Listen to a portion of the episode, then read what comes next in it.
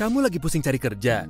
Udah iklan lowongan yang makin dikit, disuruh berhenti kerja lagi karena situasi pandemik. Atau kamu lagi pusing cari staf yang tepat. Karena pendapatan bisnis yang lagi menurun, akhirnya jadi ragu deh untuk cari staf baru. Eits, tapi jangan khawatir. Kupu bawa solusinya. Sekarang saatnya kamu download aplikasi Kupu dan buka peluang baru bersama Kupu. Aplikasi Kupu langsung menghubungkan secara otomatis kamu yang butuh cari kerja dengan kamu yang lagi cari staff. Mau kerja untuk per jam, per hari, per minggu, per bulan, semuanya ada. Selain itu, kamu bisa bangun profilmu, mulai dari nama, pekerjaan kamu, pengalaman kerja, kemampuan yang kamu punya, sampai dengan upload video perkenalan kamu. Ditambah lagi, asah kemampuan kamu melalui Kupu Academy dan kumpulkan badges sebanyak-banyaknya supaya makin dilirik sama pemilik bisnis. Kalau kamu tertarik sama pekerjaannya, kamu bisa langsung hubungi pemberi kerja melalui fitur chat. Selain itu, kamu juga bisa video call interview loh. Gak perlu lagi susah-susah janjian ketemu, langsung aja telepon dalam aplikasi. Gak ada lagi kata susah, karena Kupu hadir untuk mempermudah proses rekrutmen kamu. Yuk, tunggu apa lagi? Buka peluang barumu bersama Kupu sekarang.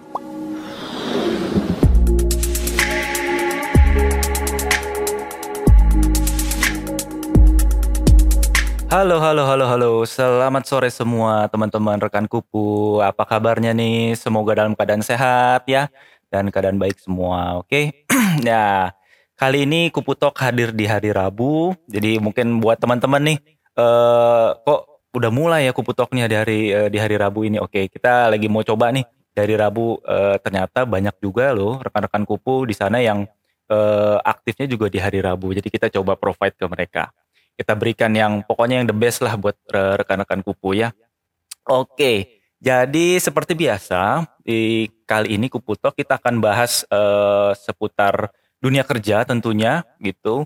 Dan kali ini kita ngambil topik itu tips jitu jadi sales yang capai target. Wah, di musim kayak begini ya kan, di situasi kayak gini, ini kayak penting banget gitu untuk teman-teman yang di luar sana mencap eh, sebab apa sebagai sales gitu ya. Kayaknya asik banget nih. Nah, terus kali ini eh, ada tamu spesial nih di saya gitu. Eh tamunya siapa? Jadi dia seorang apa ya? Dia seorang eh, sarjana teknologi informasi. eh, lalu dia seorang apa namanya magister manajemen di tahun 2015 di Universitas Gunadarma gitu. Dan hobinya sepak bola, basket dan membaca buku dan dia sudah punya pengalaman di perusahaan teknologi informasi itu sekitar 9 tahun. Lalu 7 tahun menjadi pre-sales di divisi produk di Yellow Eye. Eh, dan ya kayaknya orangnya su- sudah hadir di sore hari ini. Jadi eh, kita sambut bersama Andika Januarianto. Halo, Halo. Halo selamat sore semua rekan kuku. Oke. Gimana kabarnya? Halo Mas Edi. Baik, baik. Oke. Nah, Halo. sebelum kita mulai nih ya, saya mau bacain dulu eh, beberapa peraturan eh, selama Kuputok berlangsung. Eh, jadi selama kegiatan berlangsung, eh, mic peserta untuk sementara dinonaktifkan. Lalu juga pertanyaan melalui chat juga akan ditanyakan oleh pembawa acara. Lalu mohon tidak memberikan komentar atau pertanyaan yang berkaitan eh, sara politik dan pornografi. Lalu juga eh, terakhir nih, kalau teman-teman mungkin sedikit kesulitan eh, untuk mendengarkan Kuputok ini, coba eh, di update untuk aplikasi Telegramnya ya. Dan seperti biasa, eh, di setiap acara Kuputok juga pasti akan bagi-bagi hadiah. Untuk dua orang pemenang dengan pertanyaan yang menarik akan mendapatkan GoPay. Totalnya 100 ribu rupiah. Woi, keren gak tuh? Mantap. Di, di, di kala kayak begini, kapan lagi dapat duit? Ya nggak? 100 ribu untuk untuk dua orang. Oke, so kita eh, ke tamu saya dulu ya. Eh, halo Andika. Halo, halo. Saya manggilnya Pak, Mas atau Bro nih? Wah, biar enak bro aja. Wah. Biar santai kita kan. Sorry, sorry. Oke, oke. Bro Andika, lagi sibuk apa nih sekarang? Ya, seperti biasa Mas. Mhm. Apa tuh? Kerja UEFA. Oh, WFA ya? Oke, oke. Di rumah karena kita juga semua lagi ini ya, apa, prihatin dengan kondisi sekarang kan. Ya, Jadi ya, makanya topik ini tuh sebenarnya menarik banget. Mhm. Si uh, mungkin banyak juga uh, rekan-rekan kuku yang uh, mungkin saja apa uh, mengalami apa semacam uh, bisa dibilang mungkin kurang beruntung gitu mas ya artinya ada pemotongan uh, gaji atau mungkin juga ada apa dirumahkan seperti itu tapi di satu sisi lain mungkin ada juga rekan kuku yang uh, di mungkin bisa dibilang di masa pandemi ini malah uh, mendapatkan semacam ide untuk mengembangkan bisnis. Nah, ini topik hmm. yang menurut uh, saya sangat menarik ya. di kesempatan ini. Betul betul betul. Dan kali ini juga kan sesuai dengan judulnya juga tips jitu nih kan dari seorang Bro Andika menjadi sales yang capai target ya kan. Langsung aja. Sebenarnya tuh ya eh, jadi sales tuh ngapain aja sih? Pasti kalau di luar sana kita kalau dengar kata sales kan pasti jualan, jualan, jualan gitu kan. Nah, yang paling sebenarnya semenjak saya jadi uh, sales ya atau uh, bisa dibilang uh, kadang ada terminologi kalau di uh, dunia teknologi mm-hmm. sebagai uh, arsitektur solusi itu uh, kita sebenarnya objektifnya itu tujuannya itu yang utama adalah bagaimana cara kita menjawab permasalahan dari pelanggan kita gitu. Hmm. Jadi kalau kita punya satu produk itu kan, nah apakah produk itu cocok untuk menjawab permasalahan dari pelanggan-pelanggan kita. Itu sih Mas. Hmm. Oh, lebih ke situ ya? Iya. Oke. Okay.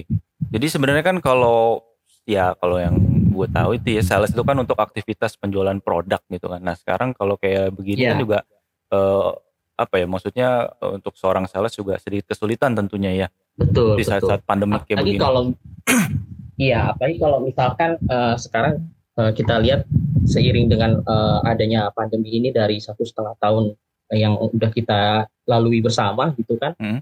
kita ngelihatnya kalau sekarang ini rata-rata pasti uh, orang kebanyakan uh, apa beralih gitu ya, shifting gitu dari hal-hal yang sifatnya uh, non digital atau offline ya, hmm beralih ke uh, dunia uh, digital yang pasti lekat dengan teknologi informasi gitu.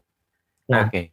kalau kita bicara produk teknologi informasi yang dijual ya uh, bicara mengenai software atau perangkat lunak atau bicara mengenai hardware atau perangkat keras itu ya sebenarnya sama-sama aja gitu kalau kita mau jualan kedua produk itu gitu pastinya okay. secara dari sisi pelanggan tuh pengennya mereka uh, gue mau cobain dulu dong produk lu seperti apa gitu cocok nggak nih dengan permasalahan yang gue sekarang lagi uh, hadapi gitu mm -hmm. atau cocok nggak dengan kebutuhan gue sekarang Nah, itu itu yang menjadi tentu buat uh, kita sebagai uh, sales ya, terutama hmm. di uh, dunia teknologi informasi gitu kan. Untuk apa? Untuk kita memberikan kesempatan ke pelanggan-pelanggan kita mencoba produk dari yang jauh apa nih bisa menjawab permasalahan si pelanggan gitu, Mas. Hmm, ya, makanya itu yang bikin membedakan antara antara sales uh, teknologi gitu ya sama sales mungkin kayak sales produk jadi gitu ya produk jadi atau mungkin yeah. juga kesulitan sebenarnya uh, cukup kompleks ya. Misalnya kayak kompleks uh, kalau produk IT itu sendiri kan berupa digital ya. Nah itu yes, untuk betul. menawarkan atau paling Apalagi, tidak uh, seseorang klien itu bisa merasakan produk itu gimana tuh? Jadi kalau kita flashback ya, kita mundur nih sebelum hmm. ke kita menghadapi pandemi ini kan mau dia produk apa pun biasanya uh, awalnya tuh kita presentasi gitu tentang produk kita gitu kan nah kalau sekarang pas di masa pandemi ini kan kita mau coba presentasi pun pasti lewat uh, online meeting gitu iya, kan benar. dan kita tidak bisa merasakan langsung uh, atmosfer ketika kita bertemu dengan pelanggan iya.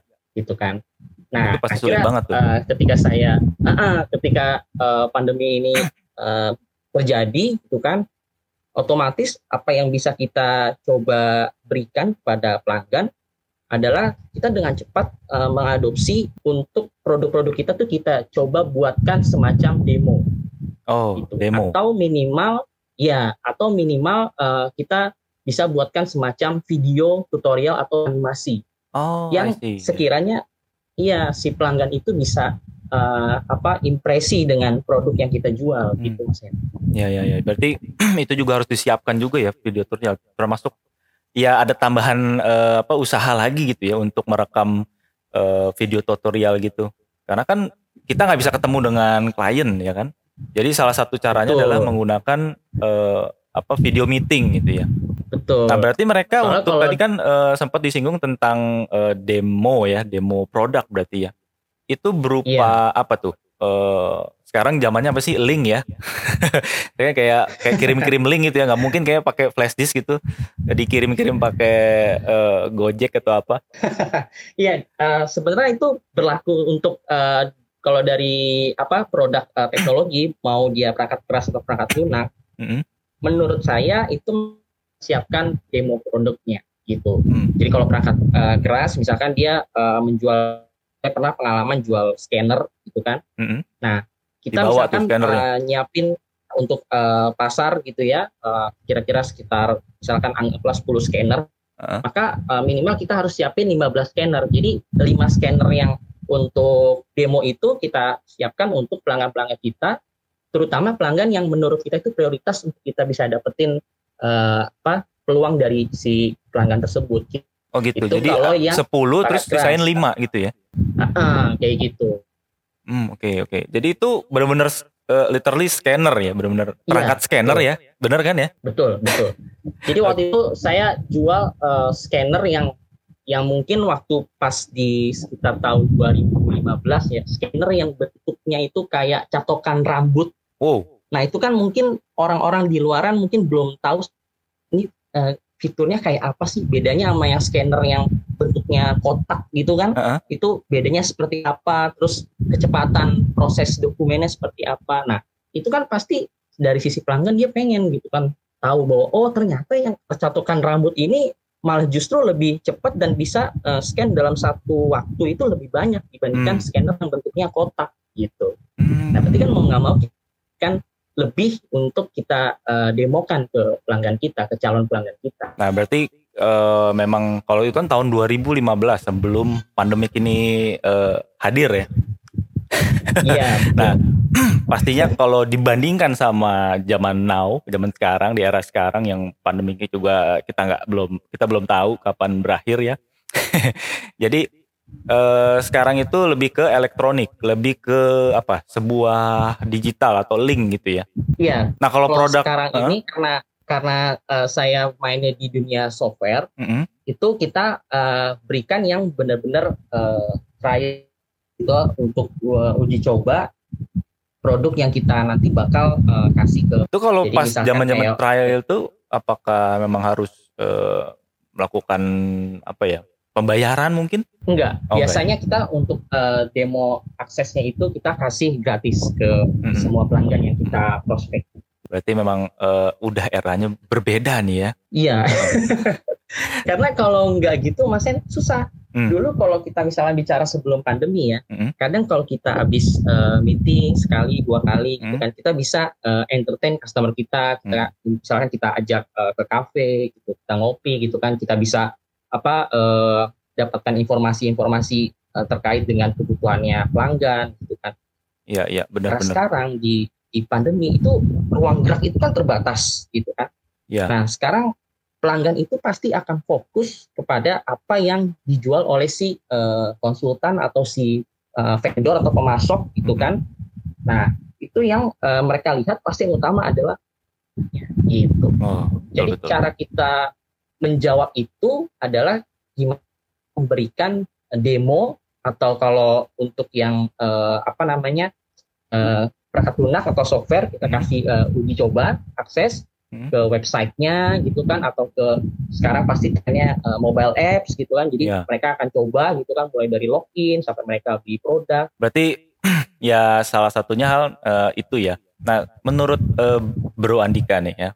Kira-kira untuk se- seseorang eh, atau yang baru mulai gitu ya sebagai sales gitu.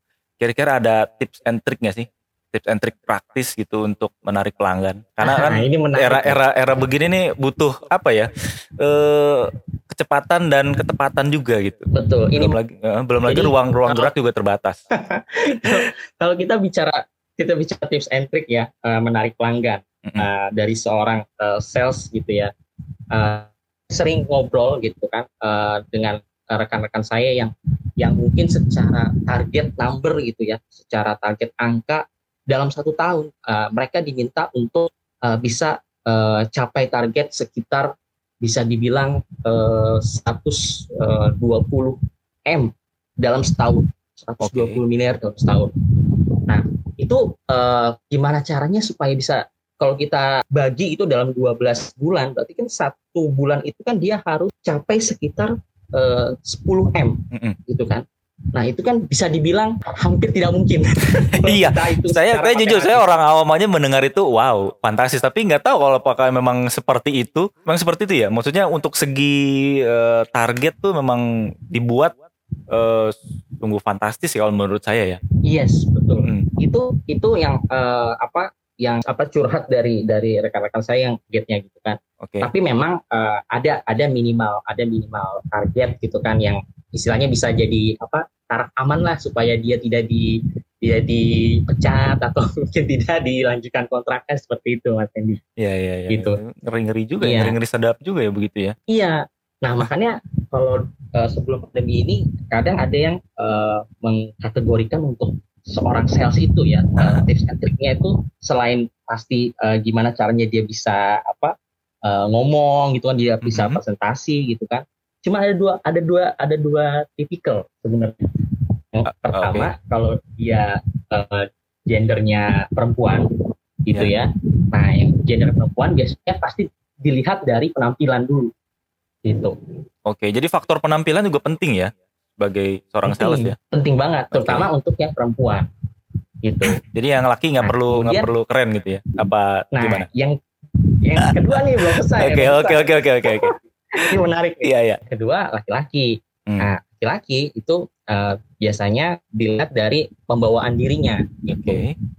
Jadi uh, pada saat dia meeting gitu kan, hmm. dia dari sisi apa namanya elegan, berwibawa gitu kan, pas dia presentasi gitu kan, nah itu uh, kelihatan tuh pembedanya untuk menarik uh, minat si pelanggan. Hmm. Itu kalau okay. dari sisi uh, sebelum kita pandemi nih, yeah. gitu. Nah kalau pada saat ini nih pas pandemi itu yang paling bisa kita lihat adalah bagaimana kita kecepatan merespon karena kita kan uh, berbicaranya berkomunikasi kan di dunia digital nih gitu, mm -hmm. kan eh apa uh, WhatsApp atau mau pakai apa pun Telegram gitu kan. sosmed gitu dan segala macam ya iya jadi mm -hmm. Uh, pelanggan itu bisa melihat oke okay, dia berarti uh, peduli nih gitu kan dia berarti care nih gitu mm -hmm. ketika dia mau tanya eh uh, Mas Andika di produk uh, yang lu jual terus tiba-tiba saya ngeresponnya 6 jam kemudian gitu atau besoknya gitu wah saya saya udah tinggalin kalau kayak gitu beneran nah, nah uh. itu jadi kan itu sebenarnya apa simpel banget gitu mm -hmm. supaya si calon pelanggan kita tuh bisa tertarik dengan apa yang kita jual. Itu itu salah satu yang menurut saya sekarang ini tuh yang uh, harus dimiliki oleh uh, seorang uh, sales gitu, mm -hmm. di masa pandemi ini jadi fast response itu dibutuhkan gitu Yeah. Walaupun mungkin uh, sifatnya responnya cuma uh, mungkin dia uh, belum tahu tentang fitur yang ditanya. Mm -hmm. Tapi minimal dia merespon dulu. Oke, okay, iya uh, sebentar saya cek dulu ya, Pak. Betul, dulu, betul, gitu. betul. Misalkan gitu. Ya, ya, ya. Itu saya juga saya juga berapa kali kalau beli di e-commerce gitu ya. Kalau nanya-nanya juga uh, pengennya tuh dijawab dengan cepat gitu. Kadang saya yes. kadang saya nanya pagi, malam baru dibales. Ah, saya udah keburu beli tempat lain gitu kan. benar, benar, benar. Nah kalau jadi seorang sales kan juga harusnya bisa lebih gercep ya ibaratnya gitu ya bahasanya ya.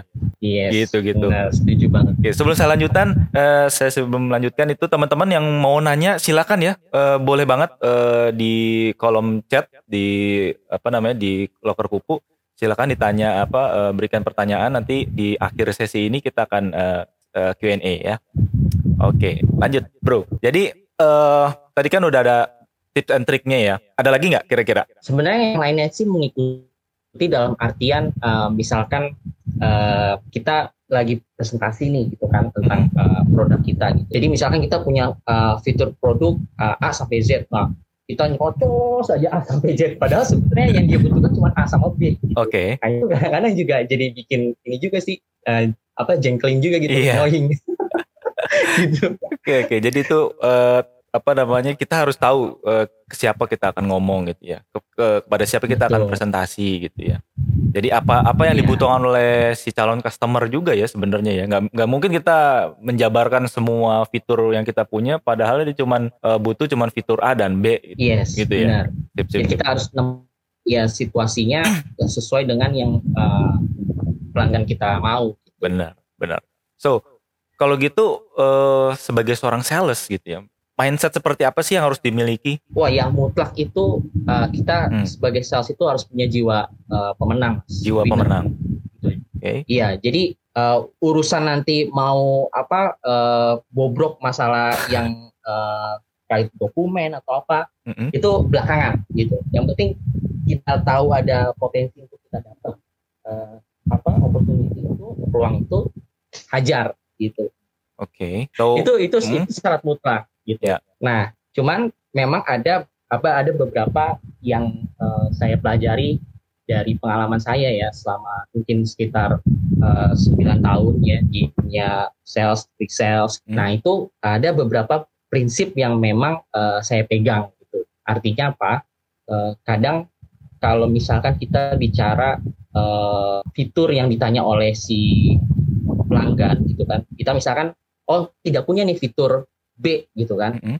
Tapi ada kadang kala uh, sales yang uh, benar-benar coba dia tetap pengen jawabnya itu oh ya kita punya loh pak fitur B padahal itu tidak mungkin kita bisa ciptakan fitur fitur okay. tersebut gitu. Berarti bisa dibilang kayak janji nah, janji palsu dong ya? Ya gitu. Karena kalau saya pribadi, mm -hmm. uh, saya prinsipnya gimana kita berjualan kita harus pegang kepercayaan itu penting mas. Karena itu uh, apa bisa sustainable gitu berkelanjutan untuk kita menjual produk kita ke pelanggan-pelanggan yang lain gitu. Karena kalau satu pelanggan kita udah dapet, mm-hmm. biasanya pelanggan yang lain itu sih gitu. Mm. Referensi dari uh, yang udah pakai produk itu siapa aja yeah. gitu. Gue mau dong minta kontaknya gitu kan. Jadi dia nanti bakal interview si pelanggan yang sebelumnya gitu. Nah, sebenarnya gitu juga kalau kalau gue lihat ya di lapangan gitu ya. Mungkin ya nih mungkin teman-teman ya uh, kayak misalkan saya seorang sales saya menjual sebuah produk uh, saya ketemu dengan customer gitu ya bla bla bla bla tapi hmm. customer ini uh, minta sebuah fitur yang kemungkinan di produk saya belum ada atau mungkin sedang di uh, developing gitu ya. maksudnya lagi dibuat nih tapi belum launching gitu ibaratnya saya mau menjanjikan karena uh, kalau si customer ini hilang saya target saya jadi juga berkurang nah mindset kayak gitu boleh juga gak sih karena kan tadi sempat juga uh, tentang kepercayaan ya, uh, maksudnya uh, trust di sini. Iya. Jadi sebenarnya boleh tuh, maksudnya uh, daripada si customer hilang pindah ke tempat lain, ya udah saya coba kasih janji manis kali gitu ya. Janji manis, janji manis tapi yang yang make sense mas, maksudnya yang masuk akal. Masuk gitu. akal, oke. Okay. itu jadi, uh, jadi kita bisa men, uh, solusi lain gitu, bisa mencari alternatif lain gitu. Bahayanya uh, seorang sales itu uh, dia tidak mempertimbangkan uh, risiko itu gitu.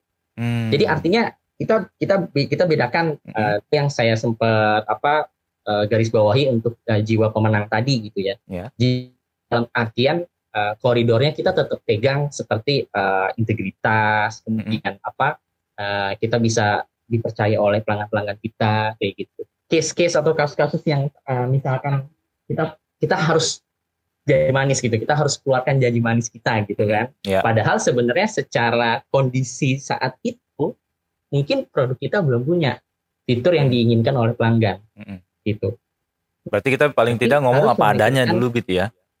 Iya, mm -hmm. betul. Paling tidak ngomong apa adanya, ya kan? Kemudian mm -hmm. kita kasih uh, rentang untuk uh, bisa uh, deliver. Kita bisa uh, berikan oke, okay, ini Pak nanti akan kita coba uh, berikan alternatifnya sesuai dengan uh, yang Bapak inginkan untuk uh, fitur A, B, C dan seterusnya gitu. Hmm, ya ya ya, itu penting ya teman-teman uh, sales di luar sana ya. Jadi uh, sebisa mungkin jangan sampai menggunakan janji-janji manis gitu ya. Karena uh, betul bisa merusak reputasi teman-teman juga, bahkan perusahaan juga ya. Iya. Kalau sampai apalagi, janji manisnya itu apalagi, tidak ditepati gitu. Betul. Apalagi Mas uh, Mas Hen, kalau hmm. kita bicara sekarang uh, apa produk-produk yang uh, sifatnya digital uh, software gitu yang bisa kita pakai di mobile apps itu kan sekarang istilahnya uh, open customer. Oke. Okay. Jadi ada istilah baru untuk uh, bagaimana kita sebagai pencipta produk gitu kan kita harus hmm. aware, kita harus sadar akan uh, istilah itu gitu. Contohnya open customer begini, uh, Mas Hendy. Apa tuh? Jadi kalau kita misalkan ya kan? Kita pakai WhatsApp, kita install, gitu kan? Kita download WhatsApp, kita pakai untuk chatting. Itu kan dari sisi WhatsApp dia tahu oh bahwa si nomor eh, yang terdaftar gitu kan, misalnya nomor HP-nya Mas Hendy, wah ini eh, ini nih apa namanya eh, sering banget nih pakai pakai WhatsApp itu setiap hari gitu kan. Mm-mm. Cuma seketika eh, Mas Hendy ngerasa kok eh, WhatsApp eh, WhatsApp gue sering ngehang nih, Iya. gitu kan? Eh lihat nih di Play Store, wah ada Telegram nih, Heeh. gitu kan? Ah daripada menuhin memori HP gue, Heeh. gitu kan? Gua sign out deh WhatsApp, sign out WhatsAppnya gue uninstall dari HP. Dari WhatsApp kira-kira gimana? Kalau kalau gue sih Hmm? gue ganti HP. Ganti HP. Ganti HP. Jadi dari Gak mau jawab ya. dari sisi Oke. dari dari sisi si eh, pemilik produk WhatsAppnya tuh dia nggak tahu bahwa dia ternyata kehilangan satu pelanggannya dia. Ah, Dia iya, berpindah oke. ke Nah, itu open customer, Mas, Mm-mm. gitu. Nah, Oke. sekarang itu dunia eh, mengalami istilah open customer untuk produk-produk yang eh, digital Mm-mm. atau yang terkait dengan teknologi informasi. Gitu. Oh, iya iya iya iya. I see I see. Wah. Berarti ini lebih ke apa ya? Bidang-bidang IT gitu ya. Udah masuk ke teknologi, teknologi informasi gitu ya. Oke, karena Betul. eh, kalau gue lihat juga eh, sekarang kayaknya lu sekarang bagian ke salesnya atau lebih ke IT-nya? Irisan. Jadi Oh, irisan. memang eh, fokus utamanya itu gimana caranya membantu eh, sales, gitu Mm-mm. kan, eh, bisa mencapai target. Nah mereka. ini bener. Ini yang mau gue tanyain juga. Nah sekarang sebenarnya kalau lu sebagai IT konsultan gitu ya, eh, gimana caranya lu untuk membantu tim sales sebagai seorang si IT konsultan ini? Nah, jadi kalau kalau di dunia pekerjaan Mas ya, formal nih ya. Hmm. Kita bisa ada ada istilah eh, bos sama sekretaris nih ke mana-mana berdua gitu kan. Mm-mm. ya kayak Batman Nah, sama Robin ya. Kalau yes, Iya. gitu. Kan ada istilah itu gitu tuh. Iya iya iya Nah, benar. kalau di ya di dan dunia persalesan gitu kan, Mm-mm. sales sama IT konsultan atau sama pre-sales sama atau dibilang Mm-mm. itu udah kayak bos sama sekretaris gitu. Oke. Apalagi kalau misalnya salesnya cewek, gitu, kayak Wah. gua gitu. Jadi ke mana-mana Ya, nih cuma bawa buah aja ya. gitu. Oke. Jadi kalau misalkan eh, ada eh, satu apa opportunity itu pasti kita eh, seirama gitu. Mm-mm. Jadi bagaimana cara eh, gua membantu si sales itu dengan eh, kita lihat gitu. Oh, ternyata eh, in- identifikasi masalahnya mereka. Oh, identifikasi masalahnya ABC gitu kan. Oke, berarti eh, nanti akan gua coba langsung eh, tembak gitu kan dengan fitur yang related dengan masalah ABC-nya si pelanggan. Oh, gitu. gitu. Jadi dari situ Heeh. si sales kan pasti akan langsung eh, mencoba untuk memancing gitu kan. Ya. Iya Pak, jadi kan eh, produk kita bisa tuh ngejawab masalah Bapak gitu-gitu kan. Nah, nanti Oh. tinggal berlanjut bagaimana cara kita negosiasi mengenai harga deh gitu. Itu ada contoh produknya nggak? Dik? Misalkan itu sebuah Contoh. apa? Eh, chat chat chatbot itu masuk nggak sih? Nah, Heeh. jadi kalau kayak eh, sekarang yang gua jalanin itu kan eh, Hmm. gua ngejual untuk yang eh, salah satu fitur yang ada saat Hmm. ini di Yellow AI itu kan untuk yang eh, chatbot gitu kan. Oke. Cuman kadangkala kalau di eh, Indonesia gitu kan a- ada yang eh, masih eh, lebih suka untuk bicaranya nggak dengan si bot gitu, Betul. tapi eh, ya dengan eh, apa eh, manusia ya. Mm-mm. Nah itu itu itu tantangan kita dari sisi eh, konsultan gitu Ya. kan eh, untuk gimana caranya kita benar-benar eh, menghumanisasi bot. Jadi Android gitu ya bahasa ininya ya. Iya, iya, Itu iya. Terminologi baru. Tapi, tapi memang, memang bener sih. Kalau gue ditanya lebih suka mana kalau dalam hal lagi troubleshooting gitu ya, lagi ada masalah gitu. Eh gue lebih suka ngomong sama si orangnya gitu, manusianya si customer service ketimbang si bot karena ya apa ya mungkin kalau gue lebih enak secara ngomongnya gak kali ya. Tapi nggak tertutup kemungkinan sih. Ini kemarin itu gue baru coba ap- eh, apa ya bukan aplikasi ya. Maksudnya yang lu bilang tadi tuh chatbot itu itu memang ternyata sudah bisa diprogram sedemikian rupa ya sampai bisa matiin eh, router internet gua loh. Karena waktu itu gue kebetulan Betul. eh, lagi ada trouble masalah gitu ya di internet terus eh, cuman si chatbot itu cuman ya begitu doang ada masalah ya terus dia akan eh, apa namanya me memperbaikilah gitu ya. Dan memang seperti itu ya Iya. maksudnya yang lu bilang tadi? Bis, yes mas, bisa sampai seperti itu karena karena seiring dengan perkembangan eh, bahasa pemrograman dan teknologi dari sisi apa eh, platform Mhm. ya di dunia eh, TI teknologi informasi maka itu eh, akan memungkinkan si bot bisa mengganti semua proses yang sifatnya administratif Ya. atau bahkan yang sifatnya lebih pada eh, proses sistematis berpikir secara sistematis itu bisa dilakukan oleh bot nantinya Wih, gitu karena karena berangkatnya gini Mhm. berangkatnya dari sisi korporasi ya Mhm. Mereka mereka pasti butuh yang namanya efisiensi biaya Iya. gitu kan. betul. Nah, kadang untuk tim eh, apa customer service gitu kan, kan mereka mengerjakan pekerjaan yang repetitif berulang-ulang. Iya. Gitu kan. Daripada mereka eh, membayar untuk misalkan 10 orang CS, CS Mhm.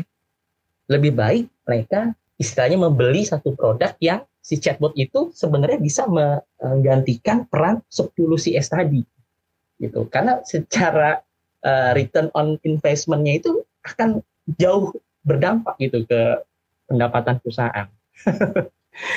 Ya, ya, Gitu, benar-benar. Mas. Satu sisi eh, kita bisa lihat gini ya teman-teman. Satu sisi ini adalah sebuah apa ya revolutioner gitu ya. Mungkin bisa dibilang gitu ya. Jadi ada eh, perkembangan teknologi lah ya. Perkembangan teknologi eh, dalam hal customer service. Tapi satu sisi juga eh, sisi humannya atau manusianya sedikit tergeser ya. Jadi agak-agak apa ya, agak dilema gitu ya. Ada dilema betul. Nah, Heeh. makanya ada beberapa uh, dari pengalaman saya ketika uh, saya menjual uh, produk uh, chatbot gitu kan. Mm. Setelah uh, kita coba berdiskusi gitu kan uh, di calon pelanggan ini Hmm. Dan pada akhirnya uh, si calon pelanggan ini dia tidak membeli produk chatbot kami gitu. Oh, Jadi dia mem- produk yang eh, dari kami tapi untuk fitur lain. Jadi fitur lainnya misalkan eh, si perusahaan dia butuh eh, semacam kayak eh, WhatsApp Blast gitu kan. Dia Ya. mau mengirimkan secara masif eh, pesan ke semua pelanggannya dia gitu kan dalam satu waktu. Nah, itu yang akhirnya mereka eh, beli dari kami hmm, kayak gitu Mas Hendy. oke, oke, ya. Jadi karena- jadi itu jadi yang yang apa yang eh, pas harus pas gitu ketika memang permasalahan customernya A gitu kan Mhm. walaupun kita punya produk A ternyata oke itu memang eh, mereka belum merasa cocok gitu untuk pakai itu gitu. Jadi akhirnya kita coba alihkan untuk yang fitur lain kayak gitu. Hmm, Oke oke Nah, itu- berarti eh, Pinter ngulik juga sih sebenarnya salah satu yang tadi mungkin tambahan apa mindset. iya iya iya iya iya. Berarti apa ya mungkin sekarang itu trennya lagi ngarah ke yang serba digital, serba teknologi gitu ya. Eh, Yes. Tapi sa- satu sisi juga dilemanya adalah eh, pergantian dari sisi manusia yang yang mengerjakannya ke sebuah eh, aplikasi bahkan itu bisa dibilang ya sebuah Tuh, bahasa pemrograman robot ya.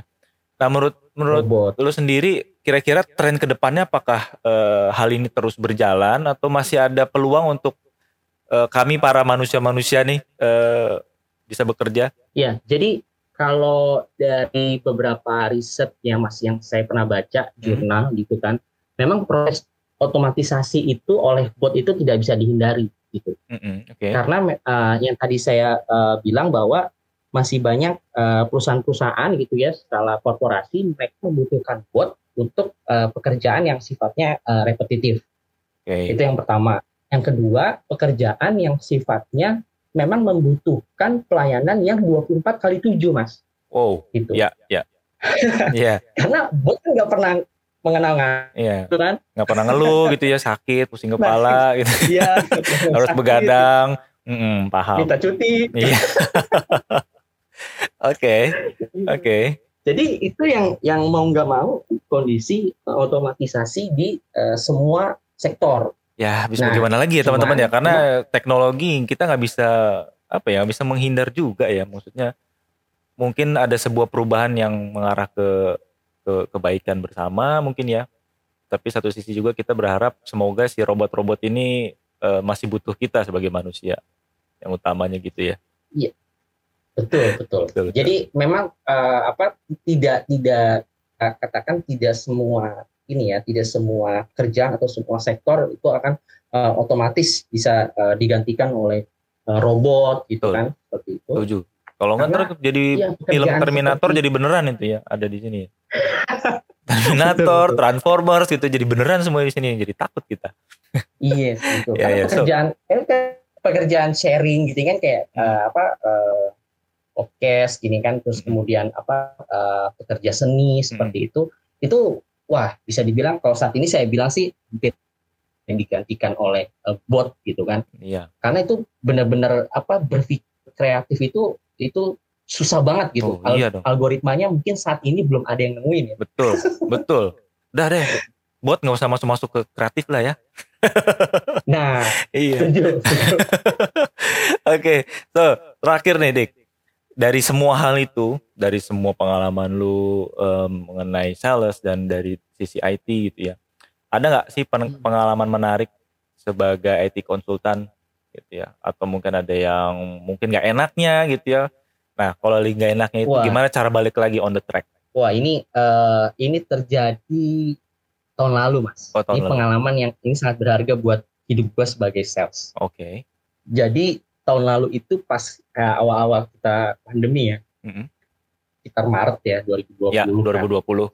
Nah itu di ah, di Januari eh, tempat eh, kerja gue tuh dapat eh, semacam opportunity untuk eh, mengerjakan tender ya di salah satu pemerintahan.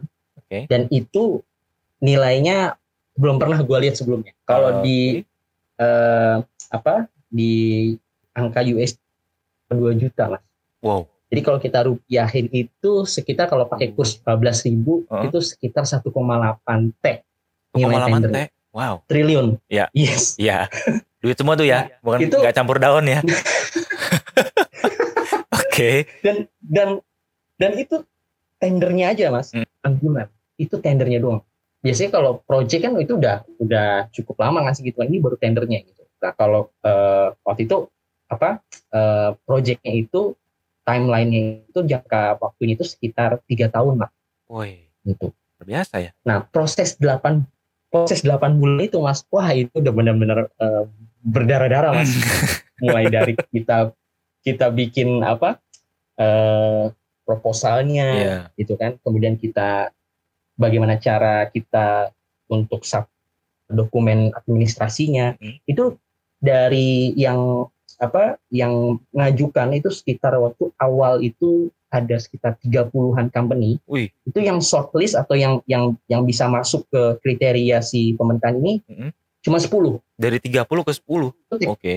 10 Hmm. nah itu eh, apa eh, perusahaan-perusahaan besar teknologi ya kayak Oracle, Ya. Microsoft, IBM gitu itu ikut tuh dari 10 itu tuh masuk semua dari 10 terus kita bikin eh, proposal gitu kan sampai eh, tempat saya itu eh, dipilih empat terbaik nah empat terbaik ini harus eh, beauty contest harus eh, presentasi ke eh, direksi-direksi gitu Ya. kan untuk eh, gimana caranya mereka bisa eh, apa yang tadi gitu kan menjawab permasalahan si eh, dalam hal ini pemerintahan tadi gitu Ya. kan itu udah udah susah payah gitu kan Mhm. udah udah benar-benar apa kayak kita minta tanda tangan CEO kantor saya aja tuh udah wah itu udah susahnya minta Iya, iya. Dan Karena pada ada saat itu masih awal-awal pandemik ya. Setahun itu ya 2020 awal ya. awal pan yes Ya, ya, benar ya. awal pandemi dan dan susahnya itu eh, dari eh, jadi si pemerintahan ini Mhm. mereka menyewa eh, satu konsultan untuk eh, pengadaannya ya untuk Mhm. membantu mereka eh, i- apa create tender ini gitu kan Mhm. nah itu dalam tempo 8 bulan itu si si konsultan pengadaan ini harus bisa melaporkan siapa yang menjadi pemenang karena itu akan diaudit nanti oleh Oh, Gitu. 8 bulan. Yes, karena kan nggak main-main kan Iya, nilai iya. Karena nilainya juga kan tinggi banget tuh. betul. Ya kan? Nah, itulah makanya kenapa wah itu eh, sampai persyaratannya itu ketika dilihat sama eh, apa eh, yang konsultan tadi, konsultan pengadaan tadi, Mhm. ini perusahaan ini yang minimal nilai kapitalisasinya itu dalam eh, lima tahun terakhir itu minimal harus sama dengan nilai tender. Wih. itu nilai bersih gitu kan. Jadi harus diangkat triliunan. Jadi kalau yang masih miliaran itu udah pasti wah Iya iya iya. itu. Iya iya iya. iya. Dari, situ aja untuk untuk kriteria masuk ke apa uh, uh, stage berikutnya gitu kan. Hmm. Berikutnya gitu. Hmm.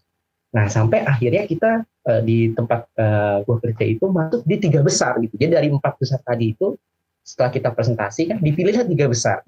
Masuk tuh Nah, ya. dari tiga besar ini, iya, dari tiga besar ini barulah mereka mengajukan eh, penawaran harga. Jadi Oke. secara fitur produk, oke ini semua udah udah bagus semua nih, berarti Hmm. udah oke, udah cakep gitu kan Hmm. proposal teknisnya tuh udah cakep, udah sesuai dengan ekspektasi mereka. Nah, pas di penawaran harga, tiba-tiba yang tadinya kita minta tanda tangan CEO di Iya. approve, di approve, di approve, pas penawaran harga, Iya. CEO tempat saya kerja itu akhirnya nggak mau tanda tangan. Wah itu Kenapa tuh? Karena gara-gara nilainya juga yang semakin tinggi ya. semalam. Kenapa? Karena nilainya juga yang makin makin ke sini makin besar atau tantangannya malah semakin sulit. Jadi eh, nggak tahu gimana Mm. ya alasannya dia ketika akhirnya kita ngobrol bareng virtual meeting gitu kan Mm. sama si bos ini gitu. Dia bilang bahwa ini oke, ini kalian yang mengerjakan. Tapi nama saya yang ada di tanda tangan dokumen ini. Ini kalau saya kenapa-napa, saya yang dipenjara kata Iya iya iya. iya. langsung kita kita pada dia sama Nah. speechless kan. It- itu itu benar-benar apa ya istilahnya Pak dalam hati kita kita kita nggak ngomong langsung ya di virtual Nah. meeting itu Pak kalau memang dari awal Pak memang Bapak tidak apa eh, memikirkan risiko besar ini gitu Iya. Kenapa Bapak tanda tanganin dari awal gitu Pak Iya, kenapa ikutan dari awal ya? lagi nih Iya. iya gitu jadi mungkin ada miss dari sekretarisnya gitu kan Oh. miss dari apa Iya iya. Eh, iya. ya yang yang level-level di bawahnya gitu Mm-mm. kan kita nggak tahu nih kroco-kroco gitu kan kita kan hanya eksekutor aja kan gitu. Iya. wah ya udah mau mau diapain lagi kan Eh, supervisor saya juga pada saat itu bilang wah gue juga nggak bisa bantu apa-apa lagi dik gitu waduh udah Iya karena perjalanannya panjang juga ya kalau di di, di runut lagi ya. 30 terus dipilih 10, 10 dipilih 4, 4 3 akhirnya Tiga. satu kan yang dan akan akhirnya dipilih kan. satu yes yang menang yes Ya, betul ya, ya, ya. dan dan itu benar-benar kita akhirnya eh, pada saat penawaran harga itu Hmm. ya kita nggak bisa submit gitu karena kita nggak bisa menandatangani itu Ya. gitu dan apa eh, itu itu juga apa jadi apa ya istilahnya dari sisi si konsultan pengadaan itu menyayangkan banget gitu Hmm. wah kenapa gitu tidak bisa untuk dicoba apa eh, tanda tangan segala memang itu tidak bisa ada perwakilan gitu jadi harus tanda tangan itu yang paling tinggi gitu di posisi itu karena Ya. nilai tendernya juga kan Mm-mm, betul. Itu sangat-sangat luar biasa Nah, kalau saya akhirnya- orang umum sendiri ngelihatnya.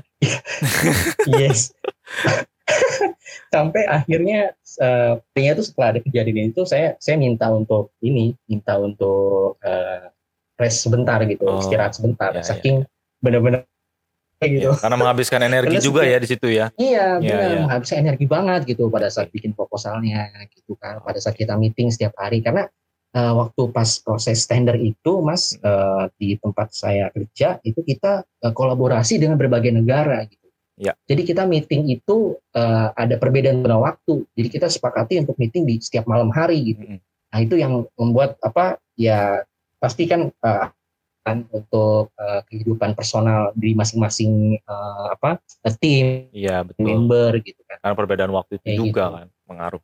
betul Oke lah betul banget gitu. gitu Ah, luar biasa ya pengalamannya teman-teman ya. Tuh kan, nggak salah kan ikut acara Kupu Talk di hari ini.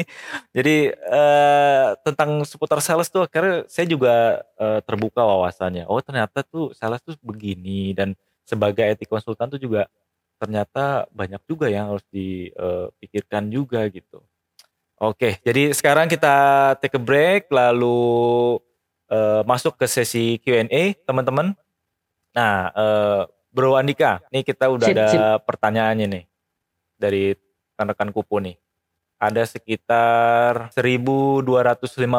Wih. woi Tapi yang akan kita pilih dua ya.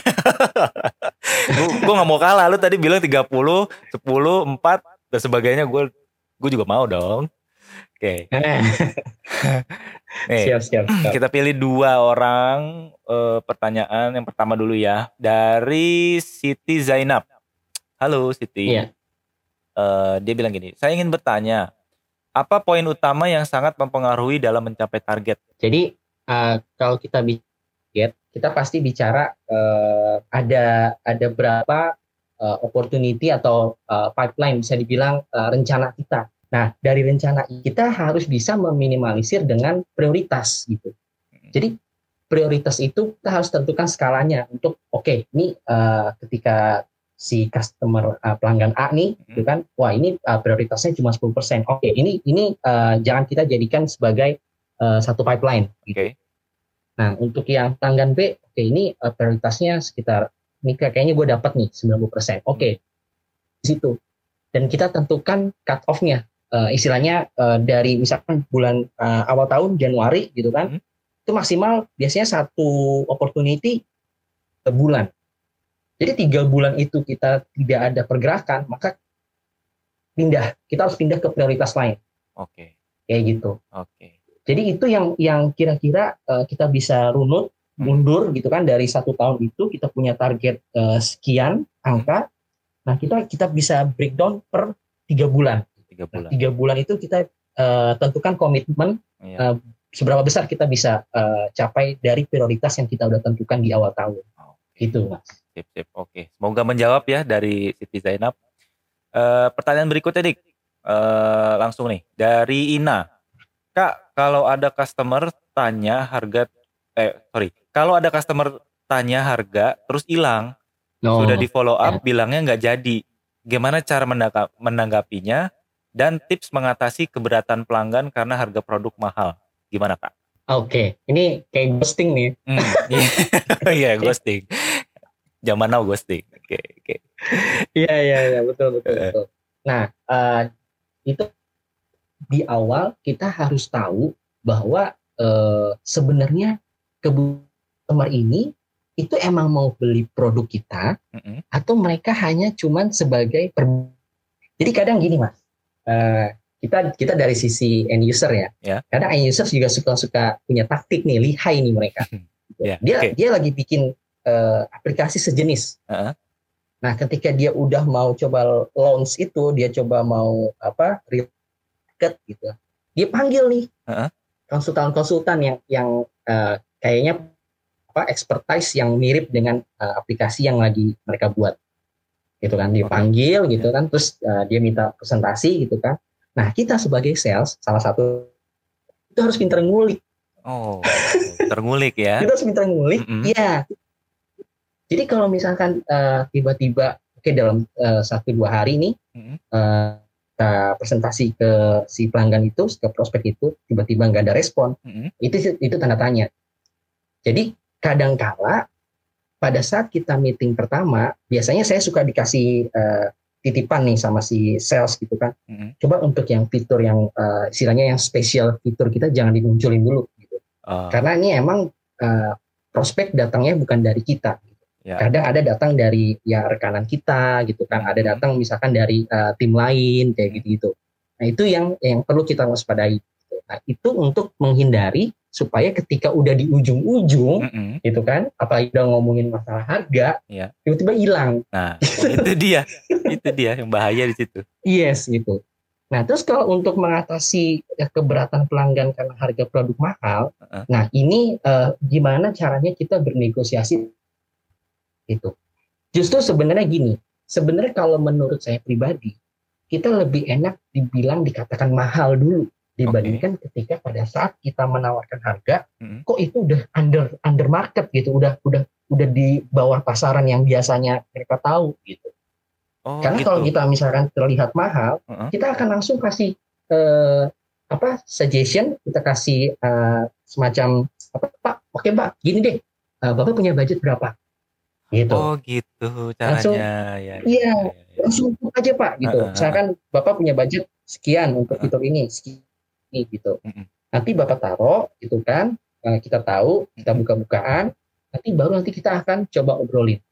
Oh. gitu dengan manajemen baru nanti akan ada uh, feedback ke kita sesuai dengan oke okay, pak ternyata agree ini agree agree agree yang ini not agree gitu kan nah, yang not agree ini gimana cara kita menengahinya bisa oh. jadi fiturnya kita kurangi atau kita jadikan semacam uh, apa training uh, roadmap untuk implementasinya gitu. Jadi misalkan di uh, apa project pertama ini udah Pak fitur A sampai C aja gitu. Nanti yang D sampai F gitu kan nanti di uh, bulan ketiga yang J oh, sampai H iya, iya, iya. Nah, terusnya. Oke, semoga menjawab ya dari Ina ya. Oh jadi kita pakai harga mahal dulu ya. Saya kalau jual pakai harganya murah, makanya susah banget mau jual barang. Oke, lanjut pertanyaan ma berikutnya ma deh. Mahalnya, tapi balik lagi mas tadi mas, uh, mahal balik lagi yang masuk akal. Oh, oh iya iya iya. Oke, okay, well not, well not. Oke. Okay. Yeah, Lanjutnya yeah, yeah. dari Ahmad Muhargia Yusron Setiadi. Wah, panjang banget nih namanya nih. Oke, okay. Iya. yeah. Kak Andika, aku kan kerja di salah satu startup, tapi ada kendala yeah. aplikasinya belum rilis di App Store atau Play Store. Gimana cara dapat uh, kepercayaan dari customer karena banyak customer yang ragu buat download karena aplikasinya belum rilis. Thank you. Nah, ini jadi kalau software mm -hmm. mungkin uh, rekan-rekan kupu di sini pernah uh, ada di diundang di email atau mungkin di sosial media mm -hmm. untuk apa? Misalkan Google uh, beta tester atau Facebook beta mm -hmm. atau nah itu itu dirilis aja itu dirilis mm-hmm. supaya dapat feedback oh uh, ternyata uh, produk ini nih fiturnya nih yang gue cari nih gitu Oke. Okay. Jadi sebelum kita benar-benar rilis di Play Store gitu untuk Android atau uh, App Store untuk uh, iOS gitu kan, kita kasih beta, kita lempar ke market gitu. Yang tadi saya bilang, jadi emang sekarang ini uh, pelanggan customer itu butuh yang namanya benar-benar real demo gitu, yang oh, okay. yang bukan mirip lagi, sama dengan yeah. apa yang nanti bakal kita taruh di uh, apa istilahnya App yang Store, di Play, uh, Play Store-nya uh. yang di AA kayak gitu supaya hmm. langsung dapat uh, feedback gitu langsung dapat feedback ke internal gitu kan oh ada ada bugs nih di sini oh ada error nih di sini gitu kan nanti setelah beta itu kita dapat gitu kan hmm. hasil feedback itu kita kumpulin dibenerin gitu kan dari sisi uh, tim uh, backendnya tim programmingnya baru nanti kalau sudah siap di tes baru rilis gitu. Oke, oke, oke. Ya minimal minimal uh, menghilangkan yang sifatnya benar-benar uh, major sih hmm. errornya oh, gitu. Oh, oke. Okay. Ya, jadi memang harus seperti itu ya kira-kira pendapat dari uh, Bro Andika nih. Uh, untuk Ahmad, yes. semoga menjawab ya dari pertanyaannya. Lalu ada satu lagi nih, uh, Cesar. Mas Andika, boleh ceritain salah satu pengalaman sales pitching yang closing? Terima kasih. Wah, luar biasa Wah, nih, ini. Nah, jadi uh, sebenarnya ini lanjutan dari tadi saya cerita pengalaman uh, pada akhirnya uh, gagal gitu kan untuk hmm. dapetin yang 1,8 T itu. Nah, setelah itu uh, uh, kantor saya dapat opportunity lagi untuk mengerjakan uh, project yang mungkin memang nilainya tidak sebesar T, uh, sekitar 25 m mm -hmm. gitu ya untuk mengerjakan uh, project di salah satu armada bus ya di Indonesia gitu lah project itu. Nah itu uh, saya akhirnya presentasi tentang uh, bagaimana cara memonitor bus secara real time mm -hmm. gitu ya pada saat uh, perpindahan di setiap stasiun. Oke. Okay. Gitu. Nah itu itu itu dari dari awal uh, si siapa pelanggan itu ya customer itu meminta untuk uh, oke okay, coba dong uh, live demo gitu uh, hmm. jika uh, live demo kita uh, berikan uh, live demonya hmm. presentasi kan sampai pada tahap akhir itu yang emang yang agak uh, apa tricky atau yang agak riskan itu adalah di uh, penawaran harga penawaran harganya uh, mereka itu ternyata uh, di luar dari uh, ekspektasi awal Oh. Gitu. Jadi kita agak uh, yang tadinya uh, nilainya itu sekitar 25 m, uh-huh. data mereka turun itu sampai sekitar uh, 18 m. Okay. Nah itu negosiasinya alot tuh sampai akhirnya kita uh-huh. uh, uh, apa namanya deal gitu kan dengan mereka kita closing di angka sekitar 23 m. Oke. Okay. Gitu. Oke. Okay. Oke. Okay. Wow, nah itu wow, sih uh, Mas Cesar uh, salah satu yang akhirnya mengobati uh, luka saya sih setelah gagal yeah, yeah, yeah, yeah minimal bisa dapat lah iya paling nggak nggak tangan kosong ya pulang dengan tangan kosong ya betul iya iya oke okay. mantap sekali uh, pembicaraan kita di sore hari ini di Kuputok hari ini dan kita sudah sampai di penghujung acara gitu eh, sebelum kita selesai, kan tadi udah banyak yang nanya gitu kan. Kayaknya tadi saya juga udah bilang bakal ada pemenangnya. Jadi kita akan umumin nih pemenangnya dari pertanyaan-pertanyaan dari rekan-rekan kupu. Kira-kira siapa yang menang? Sebelum sebelum saya sebutin pemenangnya, saya mau ngingetin dulu ya. Eh, untuk teman-teman yang belum melengkapi profil kupunya, tolong bisa dilengkapin gitu ya karena eh, itu sangat berpengaruh banget gitu ya teman-teman. Jadi pada saat teman-teman eh, melengkapi profilnya untuk video hingga audio itu ternyata jauh lebih dipercaya oleh pemberi kerja gitu ya. Oleh perusahaan-perusahaan tuh jauh lebih lebih eh, terpercaya lah paling enggak gitu ya. Karena eh, bisa terlihat bahwa keseriusan dari teman-teman eh, yang ngelamar. Begitu ya Dik ya kira-kira ya Dik. Kalau Andika sebagai eh, perusahaan gitu melihat seperti itu justru lebih lebih senang ya.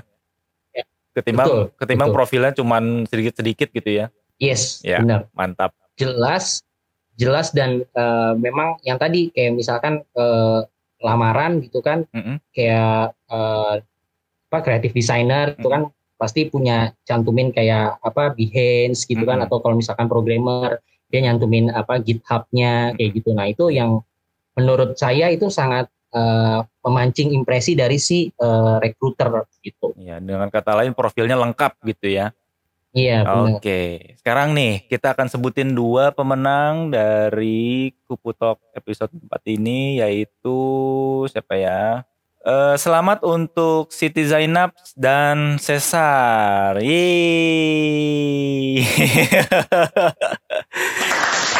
Tangan tangan, Mantap, mantap, mantap. Oke, selamat ya. Nanti akan selanjutnya dihubungi oleh tim admin Kupu Talk. Lalu saya juga mau ngingetin juga, eh, sekarang itu sedang berlangsung bagi ceritamu yang berhadiah lagi tentunya eh, total GoPay 300 ribu gitu ya. Ditunggu sampai hari Senin jam 10 pagi kalau gitu. Gitu. Dan jangan lupa eh, sebarkan lagi eh, link dari Kupu Talk ini dan loker kupu untuk teman-teman semua biar semakin menarik, semakin apa eh, banyak juga yang bisa kita obrolin di loker kupu gitu. Oke. So, nah untuk terakhir nih ya, eh Kupu Talk akan diadakan tiap minggu nih. Jadi teman-teman untuk yang mungkin sekarang rada-rada eh, bingung gitu ya kalau sore-sore, jadi kita akan adakan setiap minggu gitu. Dan ngebahasnya tuh banyak gitu ya. Mungkin sekarang lagi ke apa namanya profesi, mungkin ntar lebih ke lifestyle ya, I don't know. Kita akan eh, obrolin makanya di loker kupu ini gitu.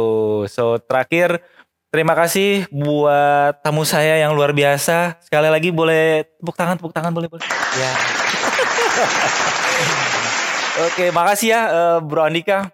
Eh, sehat dan sukses terus Ini, eh, buat Terima kasih semuanya rekan-rekan kuku iya. Eh, sehat-sehat semuanya ya. Ya, jangan jangan ragu-ragu lagi ntar kalau mau kesehatan. diundang lagi ya. Nggak apa-apa ya diundang lagi ya.